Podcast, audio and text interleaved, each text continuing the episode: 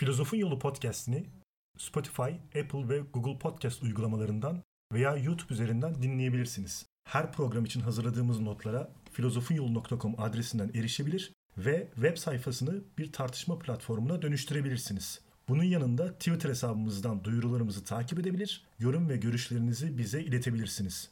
Programımızın masraflarına Patreon'dan ortak olabilir veya daha fazla üretim yapmamız için bizi teşvik edebilirsiniz. Felsefenin yaşamış en eşsiz kafalar tarafından yüzyıllar boyunca işlenmiş olmasına karşın tartışmaya açık ve dolayısıyla kuşkulu olmayan tek bir şey bile kapsamadığını görünce başkalarından daha iyisini yapabileceğimi umacak denli kibirli olmadım. Merhaba, Filozofun Yoluna hoş geldiniz. Ben İlker. Ben Bilal. Evet, bugün bilgi felsefesi serimize devam ediyoruz ve bu programda bilgi felsefesi akımlarından rasyonalizm veya diğer adlarıyla akılcılık veya usçuluğu konuşacağız. Ama öncelikle e, Bilal, senin felsefe eğitiminin durumundan bahsedelim istersen. Hani en sonunda lisans eğitimini bitirdin. Evet, lisans eğitimim bu sene bitti. 19 Mayıs Üniversitesi Felsefe bölümünden mezun oldum en sonunda. Programa başlarken yani filozofun yoluna başlarken 4 senede tüm lisans eğitimini aktarmayı umduğumu dile getirmiştim ama 3. senede bunun mümkün olmadığı herkesçe açıkça görünüyor gibi diye düşünüyorum. Okul bitti diye program sona ermeyecek elbette. Programlara devam edeceğim. Şu sıralarda yüksek lisans için hazırlık yapıyorum. Yüksek lisans ve sonrasında imkan bulursam doktora çalışmalarım boyunca da bu programlara yani filozofun yoluna devam etmeyi planlıyorum. Bu akademik gelişimin programların kalitesini de yansıyacağını umuyorum. Bu sürede bizi takip eden herkese e, teşekkürler diyeyim ve programa başlayayım ben. Bilginin kaynakları tartışmasında bir sonraki durağımız rasyonalizm veya akılcılık. Önce e, program kaynaklarımızdan bahsedelim. Ahmet Arslan, Ahmet Cevizci ve Lokman Çilingir'in felsefeye giriş kitapları, Enver Orman'ın bilgi felsefesi kitabı, Arda Denkel'in Düşünceler ve Gerekçeler isimli kitabı, Descartes'in Yöntem üzerine konuşmalar, Yöntem üzerine söylem veya söylem isimli kitapları. Hepsi aynı kitap. Ve Bilim ve Sanat'ın felsefe sözlüğünü kullanıyoruz. Programa başlamadan önce bu ay bizi desteklemeye karar veren dinleyicilerimizi de anmak istiyorum. Patreon destekçilerimiz Dilek Bulut ve Bilgin Tavlı'ya ve YouTube destekçimiz İsmail Teker'e teşekkürler. Destekçilerimizin herhangi bir karşılık beklemeden desteklediklerini bilsek de onlarla katkılarının bir karşılığı olarak aylık Google Meet buluşmaları düzenliyor ve programlarımız ile ilgili soruları yanıtlıyor veya çeşitli felsefe metinlerini beraber inceliyoruz. Felsefeye yeni başlayan okuyucular genellikle bu metinleri anlamakta bazı güçlükler yaşadıkları için kendilerine faydalı olduğunu düşünüyorum. Siz de destekçiler arasına katılarak bu mükemmellikten uzak mini kursa katılabilirsiniz.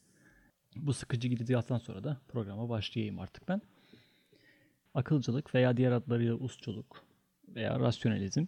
Yani programın adından da akıl veya bir diğer adıyla us ve anlığa odaklanacağımız sorun sonucunu çıkarabiliriz herhalde. Evet fakat günümüz anlamıyla akıl deyince anladığımız e, şey olan beyin ve beyin fonksiyonlarının dile getirildiği konular zihin felsefesi başlığı altında inceleniyor. Öncelikle bunu belirteyim. Burada daha çok insanın düşünme yetisi ve bu yetinin bilgi üretimiyle ilgili daha geleneksel hatta bazı durumlarda ilkel bir yaklaşımla karşılaşırız. Bu programda geçmişe çok fazla takılmayacak olsak da eskiden insanın düşünme organı olarak kalbin varsayıldığı bazı dönemlerde söz konusu olduğundan akıl derken biraz mesafeli olmamız gerektiğini hatırlatmak istiyorum. Modern çağ ile birlikte özellikle deneycilerden John Locke'un bellek kavramını kullanması gibi çağımıza yaklaşan tutumlar görmeye başlayacağız. Yine de program boyunca akıl, us veya anlık dediğimiz şey bizim bugün anladığımız anlamıyla akıl insanın düşünme yetisi veya insanın düşünme gücü olacak. Bu akıl aynı zamanda insanı diğer hayvanlardan ayıran düşünme yetisi olarak da değerlendirilir. Akıl dediğimiz şeyin soyutlama yetisi olarak düşünceye ve düşünceler arasındaki mantıksal çıkarımlar ve bağlantılar kurması aslında insanın temel ayırt edici niteliği olan bilgi ve kültür birikimini oluşturan şeydir. Hayvanlarda neredeyse hiç olmayan soyutlama yetisi insan yavrularında ise zamanla gelişir. Bu gelişim konumuz olmasa da bunu merak eden dinleyicilerimizin gelişim psikolojisi alanında bakmaları gerekecek. Yine hayvanlarla ortak yanımız olan organik doğamızın bir kazanımı olan duyu içerikleri kendi başlarına bir değer ve anlam taşımazlar. İnsanın akıl yetisi insani olan her etkinlikte bulunup belirleyici bir rol oynadığı gibi duyuları anlamlandırmada da öne çıkar. Yoksa hayvanlar da pekala duyma, görme veya tensel hissetme gibi duyulara sahiptir. Fakat bunları tanımlama, sınıflandırma ve genelleme yeteneklerine sahip değildirler. Bir kedi sadece düşen bir cismi görürken insan daha önce defalarca gördüğü bu düşme eyleminden yola çıkarak kütle çekim teorisini bulur. Bilgi fenomeni daha önce de dile getirdiğimiz üzere bilen özne ile bilinen nesne arasındaki ilişkiye işaret ediyor. Bilen özne, bilme etkinliklerinin vazgeçilmez ve zorunlu bir tarafı ve bileşenidir. Rasyonalizm işte bilen öznenin bilme etkinliğindeki etkin ve belirleyici rolüne vurgu yapar. Böylelikle esas konumuz olan rasyonalizm akımına başlayabiliriz. Bunu da her zamanki gibi sözlük tanımlarını inceleyerek yapalım. Latince ratio sözcüğünden gelen bilginin güvenilir tek kaynağının us olduğunu savunan felsefe akımıdır. Rasyonalizm. En genel anlamda ussal düşüncenin vardığı sonuçlara, usun verdiği yargılara sonuna dek inanma tutumu, usa aykırı gelen ya da us dışı öğeler içeren bilgiyi daha baştan yatsıma tutumudur. Bir başka ifadeyle akılcılık, bilginin yegane kaynağı ve sınama ölçütünün akıl olduğunu öne sürer. Yine onun malzemesinin temel ya da ilkel bir takım kavramlardan tümden gelimsel olarak türetildiğini öne süren görüş ya da tutumdur. Akılcılığın kökleri antik Yunan'da Parmenides ve Platon'a kadar geri gitse de günümüzde Descartes, Spinoza ve Leibniz tarafından icra edildiği şekliyle yani modern usçuluk olarak bilinir. Burada akılcılık dediğimiz şey e, mantığa uygun düşünme veya rasyonelite olarak tanımladığımız şey değil değil mi? Başka bir şeyden bahsediyoruz burada. Değil. Akılcılığı, usçuluk, modern felsefenin bir genel niteliği olan rasyonelite ile karıştırmamamız gerekiyor. Ussallık, rasyonelite, belirli bir dönem düşünün yaygın bir özelliğiyken, usçuluk en azından modern çağ usçuluğuyla aynı dönem içinde filizlenen felsefe okullarından biridir. Bu açıdan usçuluğun rakibi olan deneyici okul da en az usçuluk ölçüsünde ussallığı temel alır. Aradaki farkın daha iyi anlaşılması için ussallığın sözlük tanımını da vereyim ben. Ussal bakımından geçerli us akıl yürütmeleri, sağlam kanıtlamaları niteleyen, usun varlığı ya da işleyişiyle belirlenmiş olup us yoluyla kavranmaya uygunluk gösteren, kendi içinde tutarlılık, yalınlılık, düzenlilik ve mantıklılık sergileyen, gerçekliğin ancak us yoluyla bilinebilirliğini ilkelendiren, gidimli bir biçimde karşılaştırma, çözümleme, birleştirme yetisi taşımak anlamında her türden ussal olma durumunu anlatan felsefe kavramıdır. Akılcılık deneyiciliğe tamamen karşı olan bir yaklaşımı ifade eder. En azından modern versiyonuyla akılcılık, hiç olmazsa kimi düşünce ya da kavramların, hatta bir takım ilkelerin doğuştan olduğunu savunur. İlk çağ felsefesinde Platon'dan itibaren kararlı bir rasyonalist eğilim görmüştük biz. Sokrates'in de ifade ettiği gibi insan, ruh, dünyaya gelmeden önce her şeyin bilgisine doğuştan hakimdi ve bu dünyada öğrenme dediğimiz şey ise hatırlamadan ve hatırladıklarına çıkarımdan ibaretti. Doğuştan gelen bilgi ideaların bilgisiydi. Platoncu rasyonalizm Hristiyan teorisi tarafından benimsendiğinden skolastik felsefe ile modern çağa değin taşınmıştır. Biz de burada modern felsefenin kurucusu Descartes ve akılcılık üzerinde konuşarak konuya açıklık getireceğiz. Descartes'in modern düşünce içinde felsefesini usçu bir temele oturtmasının ana nedeni dini çevreyle iyi geçinme çabası veya aldığı skolastik eğitimden bir türlü kurtulamamış olması olabilir mi? E, hayır. Descartes temelde kuşkucu argümanları sınırlamak çabası neticesinde akılcılığı benimsemiştir. Kuşkuculuğu ele aldığımız programda kuşkucu argümanların deneyin kesin bilgi verdiği iddiasını birçok yönüyle çürüttüğünü gördük. Descartes'in deneyiciliği onaylaması demek güvenilir bilgi diye bir şey bulunmadığını kabul etmek anlamına gelecekti. O da bunun yerine gerçek bilginin deneyden değil, akıldan kaynaklandığını öne sürmüştür. Yoksa Montaigne'in de belirttiği gibi imana sarılarak yani vahiy ile gerçek bilgiyi elde etmenin mümkün olduğunu söylemesi gerekecekti. Akılcılığın matematikle ilişkisine birçok programda kısaca değinmiştik. Matematik ve geometri evrensel olarak doğru ve kesin bilgiyi bize veriyor. Bu yüzden 17. yüzyıl filozofları da matematiğe derin bir hayranlık besliyordu. Onlar böylece doğa bilimlerindeki ilerlemelerde önemli bir payı olan matematiğin örneklendirdiği tümden gelim ya da çıkarımı felsefeye uygulayarak bilimde kazanılan başarıyı orada da yenilemeyi ummuşlardır. Matematiğin felsefe veya bilimle nasıl bir ilişkisi var tam olarak? Aristoteles fiziği gibi eski anlayışla yapılan doğa bilimlerinde nicelikler değil nitelikler ön plandaydı. Fakat bu verilerle hesap yapmak ve sonuç çıkarmak mümkün değildi. Ve bu yüzden de doğa bilimlerinde kayda değer bir ilerleme uzun süre mümkün olmamıştır. Matematiğin ve niceliklerin doğa bilimlerinde kullanılmasıyla beraber bilimsel gelişmeler bir anda hız kazandı. Newton'un kütle çekim teorisini ortaya koyduğu eserin isminin doğa felsefesinin matematiksel ilkeleri olması ve bu iddialarını geometri kullanarak ispatlaması bu yüzden şaşırtıcı olmayacaktır. 17. yüzyıl filozoflarının yapmaya çalıştığı da matematik ve geometrik yöntemlerin felsefeye tatbik edilerek benzer başarının kazanılmasıdır. Benzer çabayı daha sonra sosyal bilimlerde örneğin sosyolojide göreceğiz. Sosyologlar toplumu incelerken matematiksel hesaplar, istatistiklere başvurarak doğru bilgiye ulaşmaya çalışıyorlar bugün. Bu anlayışla çalışan dönemin filozofları gerçeklik konusunda doğru bilgi ve araştırma yöntemi söz konusu olduğunda tümden gelimsel sistem idealini öne çıkaracaklardır. Çünkü akılcı bakış açısından bilginin doğru ve zorunlu oluşu ancak zorunlu olarak doğru olan öncüllerden başka doğru sonuçların çıkarsandığı tümden gelimsel bir sistemde gösterilebilir. Her zamanki örneğimiz insanlar ölümlüdür. Sokrates bir insandır. Öyleyse Sokrates ölümlüdür de olduğu gibi sonucun kaçınılmaz olarak zorunlu olduğu durumlar felsefece her zaman tercih edilecektir. Böylelikle tümden gelimsel bir sistemin sadece öncüllerin sonucu gerektirmesini değil, fakat buna ek olarak öncüllerin kendilerinin de zorunlulukla doğru olmalarını talep ettiğini düşünen akılcılar, örneğimizdeki insanlar ölümüdür ve Sokrates bir insandır öncülleri yani, doğallıkla bilginin yetkin örneği olarak matematiği öne çıkarırlar. Matematik hemen bütün alanlara uygulanması gereken bir bilgi ölçütü temin etmekle kalmaz, felsefi argümanların nasıl oluşturulması gerektiğinin de bir örneğini sağlar. Bu yüzden mantıksal ve matematiksel kesinlik gerçek bilginin ölçütüdür rasyonalistlere göre. Bilim temeli aldığı doğru önermelerden başka bilgileri nasıl çıkarıyorsa, felsefede dizgesinin temeline koyacağı apaçık doğrulardan bilgi üretmeli, yeni bilgiler çıkarsamalıdır. Filozof için böylece elde edilecek güvenli bir bilgi yapısı oluşacaktır. Çünkü doğruluğu kesin önermelerden tümden gelimde çıkarsanacak önermelerin doğruluğu yine kesin olacaktır. Mesela örneğimize bakalım. İnsanların ölümlü olduğu ve Sokrates'in bir insan olduğu öncülleri kesin olarak doğruysa Sokrates'in ölümde olması da kesin doğrudur diyebileceğiz. Konumuza daha uygun bir örnek vereyim istersen. Her şeyin bir nedeni vardır. Apaçık önermesinden yola çıkarsak örneğin ateşten dumanın çıkması olgusunu bu temel önermeyle açıklayabilir ve bu açıklama bize kesin bir bilgi vermiş olur.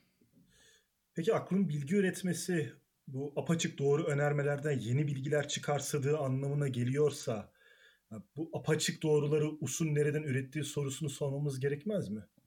Evet, apaçık önermeler nereden geliyor? Soruyu cevaplamadan önce daha önce benim de telaffuz ettiğim apaçık kavramına açıklık getireyim. Descartes'in kullandığı bu kavram bir şeyin zihinde en ufak bir kuşkuya dahil yol açmaksızın doğrudan ve açık bir biçimde görünmesi, bir düşüncenin, bir doğrunun zihinde açık ve seçik biçimde kendini göstermesini ifade eder. Apaçık bir şeyi görür görmez tanırız. Onu diğer her şeyden açık ve seçik olarak ayırabiliriz. Soruya dönelim. Bu apaçık doğruları us nasıl üretir? Descartes'e göre apaçık doğrular doğuştan gelen ideler ve düşüncelerdir. Bu önermeler Tanrı tarafından insan anlığına doğmadan önce yerleştirilmiştir. İnsan bu apaçık doğrular anlığında olarak doğar. Yani aklında. Avrupalıların ve Hintlilerin aynı matematiği keşfetmeleri, her insanlığı var olan Tanrı düşüncesi veya Descartes'in açıklayacağı ben varlığının bilgisi işte böyle doğuştan bilgilerdir. Şimdi çocukları ele alalım mesela Bilal. Ee, küçük çocuklar anlıklarında taşıdıkları bu temel doğruların da farkında olmasa gerek diyelim ki ateşten duman çıkmasını gibi basit olayları görüyorlar ve bunu her şeyin bir nedeni vardır diyerek yorumlamıyorlar. Yani böyle filozofça bir genellemeden yola çıkarak elde etmiyorlar bu düşünceleri. Yani bu çıkarsamayı yapan rasyonelist bir filozof e, bu çocuğun durumuna ne der? Doğuştan gelen düşüncelerin başlangıçta bilinç altında kaldıklarını, bunların uyur ya da örtük durumda olduklarını söyler. Doğuştan ideleri bilince çıkaran, onları uyaran ise algıdır. Çocuk doğadaki nedensel ilişkileri gözlemledikçe her olayın bir nedeni olduğu düşüncesi anında giderek belirginleşir. Örneğimizdeki gibi her olayın bir nedeni olduğu temel doğruluğuna dayanarak bir arada algılanan bu olayların bir neden ve etkisi olduklarını saptar. Algının eksikliği doğuştan bilgileri ve us sayesinde böyle giderilir. bu düşünceye çeşitli itirazlar da gelmiştir değil mi? Tabii. Bu düşünceye geçen programda bolca konuştuğumuz John Locke tarafından eleştiriler gelecektir. Çünkü bu iddiaları onaylamak demek deneyiciliği olanaksız bırakmak anlamında gelecektir onun için. Locke kimi düşüncelerin her insanda bulunmasının bunların doğuştan olmalarına kanıt sayılamayacağını vurgular. Kaldı ki evrensel olduğu öne sürülen pek çok düşünce gerçekte böyle değildir. Evrensel denen sayılar, tanrı veya tanrı gibi idelerde görüş birliği bulunamaz. Ahlak kuralları ise toplum ve zamana göre epey değişiklik gösterir. Peki e, doğruluğundan kuşku duymadığımız önermeler için yani mesela aynı nesne aynı zamanda değişik yerlerde bulunamaz gibi önermeler için ne diyor John Locke? Evet, böyle önermeler vardır fakat var olan vardır gibi önermelerden yeni bilgiler çıkarsanamamıştır der. Yani bunlar geçen programda konuştuğumuz gibi analitik önermelerdir ve bir işe yaramazlar, bize yeni bilgi vermezler. Yeni bilgi deneyden gelir ve bunun en iyi kanıtı Newton'un çalışmalarıdır der Locke. Ateş duman örneğindeki nedensellik zaten anlığımızda gizli durumda olan tanrısal ideleri ortaya çıkarmaz. Böyle nedenselliklere tanık oldukça onları geneller ve her şeyin bir nedeni vardır sonucuna ulaşırız. Locke açısından düşününce. Rasyonalizmi anlamak için e, pratik felsefe uygulamalarından biraz örnek verebilir misin? Yani mesela Descartes akıldan nasıl bilgiler üretmiştir? Descartes'in deneyden gelen bilgiye kuşkuyla yaklaştığına serimizin başında ve program içerisinde değindik. Ona diğer tüm bilgilerin kendisinden çıkarsayacağı apaçık bir bilgi gerekliydi. Bu bilgi de hemen herkesin duymuş olduğu düşünüyorum öyleyse varım değişinin ortaya konuşu olacaktır. Kendisinden biraz aktarma yapayım. Her şeyin yanlış olduğunu düşünmek istediğim sırada bunu düşünen benin zorunlu olarak herhangi bir şey olması gerektiğini gördüm. Düşünüyorum, öylese varım doğrusunun kuşkucuların tüm aşırı varsayımlarıyla sarsılmayacak kadar sağlam ve güvenilir olduğunu belirlerken bu doğruyu araştırdığım felsefenin ilk ilkesi olarak hiçbir kuşkuya düşmeden alabileceğime karar verdim. Descartes kendisinden asla şüphe edemeyeceği temel bir bilgi istiyordu. Her şeyden şüphe eden birinin şüphe edemeyeceği tek şey her şeyden şüphe eden kendisinin varlığı olacaktı. Yani ben. Tüm madde, kendi bedeni dahil, tüm madde ile irtibatımızı koparsak da, her şeyden ilişkimizi kessek de, hatta uyusak da kendimizin, günümüz deyişiyle kendi bilincimizin her zaman farkında oluruz. Fakat bizim bilinç dediğimiz şey çok yeni bir kavram ve döneme hiç de uyacak bir şey değil. Bunu söyleyeyim öncelikle. Descartes da ben kavramından yola çıkarak ve dönemin anlayışına pek uygun olarak ruh kavramına ulaşır. Kendisine aktarmaya devam edeyim.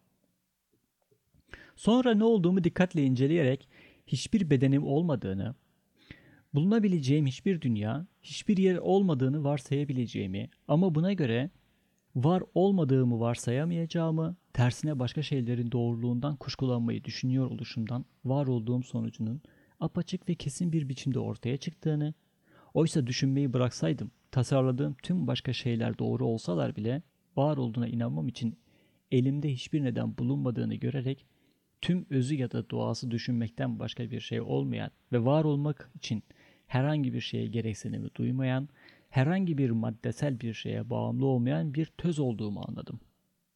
Öyle ki bu ben yani kendisiyle neysem o olduğum ruh bedenden tümüyle ayrıdır.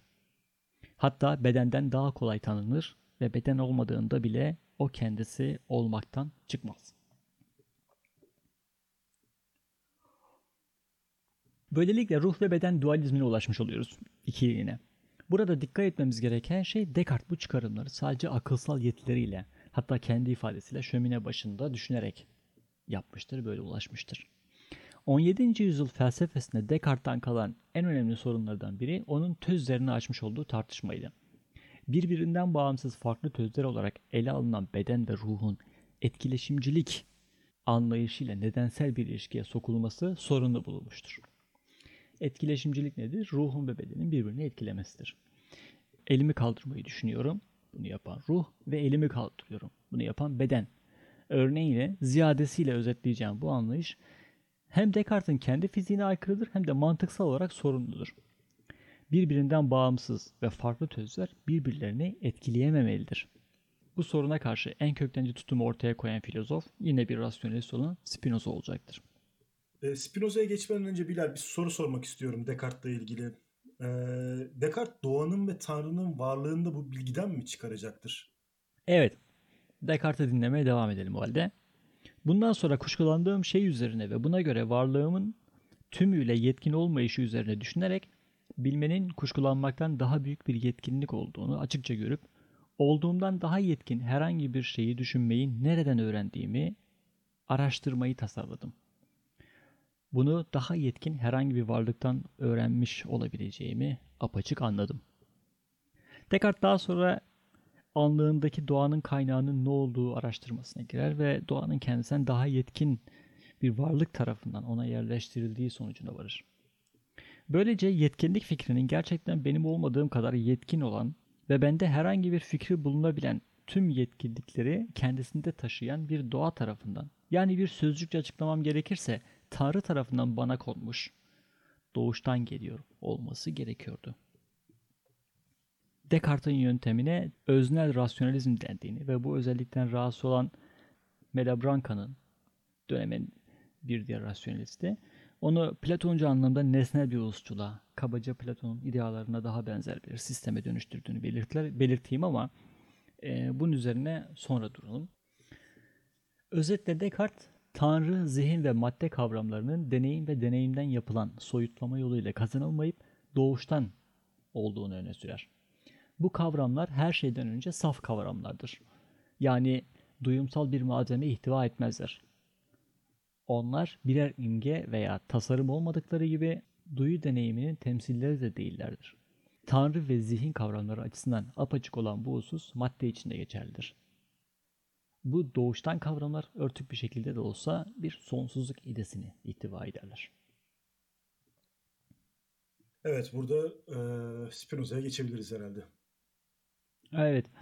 E, Spinoza Descartes'in ortaya attığı ikiciliği yani dualizmi yatsımıştır. Ona göre eğer Descartes kendi verdiği töz tanımını bu töz tanımı neydi? Töz kendi başına ve her şeyden bağımsız olarak var olandır.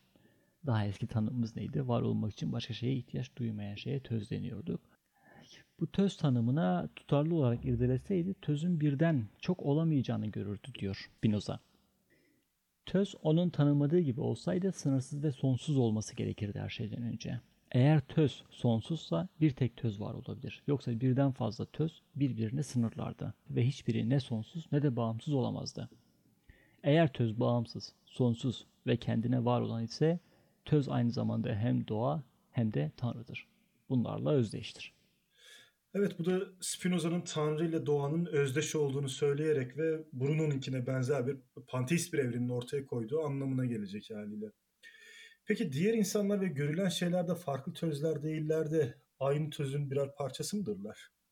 Görülen ve bilinen her şey tek bir tözün değişik yansıları kipleridir. Ne tin, ruh, ne de doğa, madde Tanrı'dan gelmez. Bunlar Tanrı ile özdeştir. İnsan da Descartes'in sandığı gibi bileşik yani ruh beden bileşimi olan bir yaratık değildir. Tözün bir kipliği olarak öbür öz niteliklere yanı sıra uzam ve düşünceye de sahiptir. İki ayrı tözün bileşimi söz konusu olmadığına göre etkileşimi de söz konusu değildir. Anlık da beden de aynı şeyin değişik görünümleridir. Bu yüzden insanın kendi özünü bilmesi, doğayı ve aynı zamanda Tanrı'yı da bilmesi anlamına gelir Spinoza için. Kendisinden bir alıntı yapayım istersen. O zaman uğruna çabaladığım erek budur. Böyle bir doğayı kendim için kazanmak ve birçoklarının ona benimle birlikte erişmeleri uğruna çabalamak. Kendini tanıyıp insanlara anlatmak. Özetle akılcılık aklın zorunlu, kesin ve genel geçer doğruları bilme gücüne sahip olduğu iddiasıyla ortaya çıkar. Bu zorunlu ve kesin doğruları deneyim hiçbir zaman veremez. Çünkü deneyim ya da gözlem şimdiyle sınırlıdır. Oysa gerçek bilgiyi meydana getiren doğrular yalnız şimdiyle sınırlanmış doğrular değil, onlar geçmiş ve gelecek için de geçerli olan evrensel hakikatlerdir. Örneğin 2 artı 2 eşittir 4 doğrusu tüm zamanlar için geçerli evrensel bir doğrudur. Rasyonalizm bilgimizi akla dayandırma çabası verir. Akıl bizi doğru bilgiye duyuların zaman zaman neden olduğu hatalara düşe, düşürmekten de kurtarır. Deneyim ve gözlem bize yalnızca tek ya da bireysel olanı verebilir. Oysa gerçek bilgi tek teklerle değil fakat genellerle ve yasalarla ilgilidir. Deneyim bize değişik varlıklarla ilgili bilgi verebilir. Oysa gerçek bilgi değişmez olanın bilgisidir. Diyorum ve rasyonalizmi de bitirmiş oluyorum. Var mı bir sorun İlker? Yok teşekkür ederim Güler. Tamam. Bir sonraki programımızda diğer akımlara konuşmaya devam edeceğiz. Esen kalın. Hoşçakalın.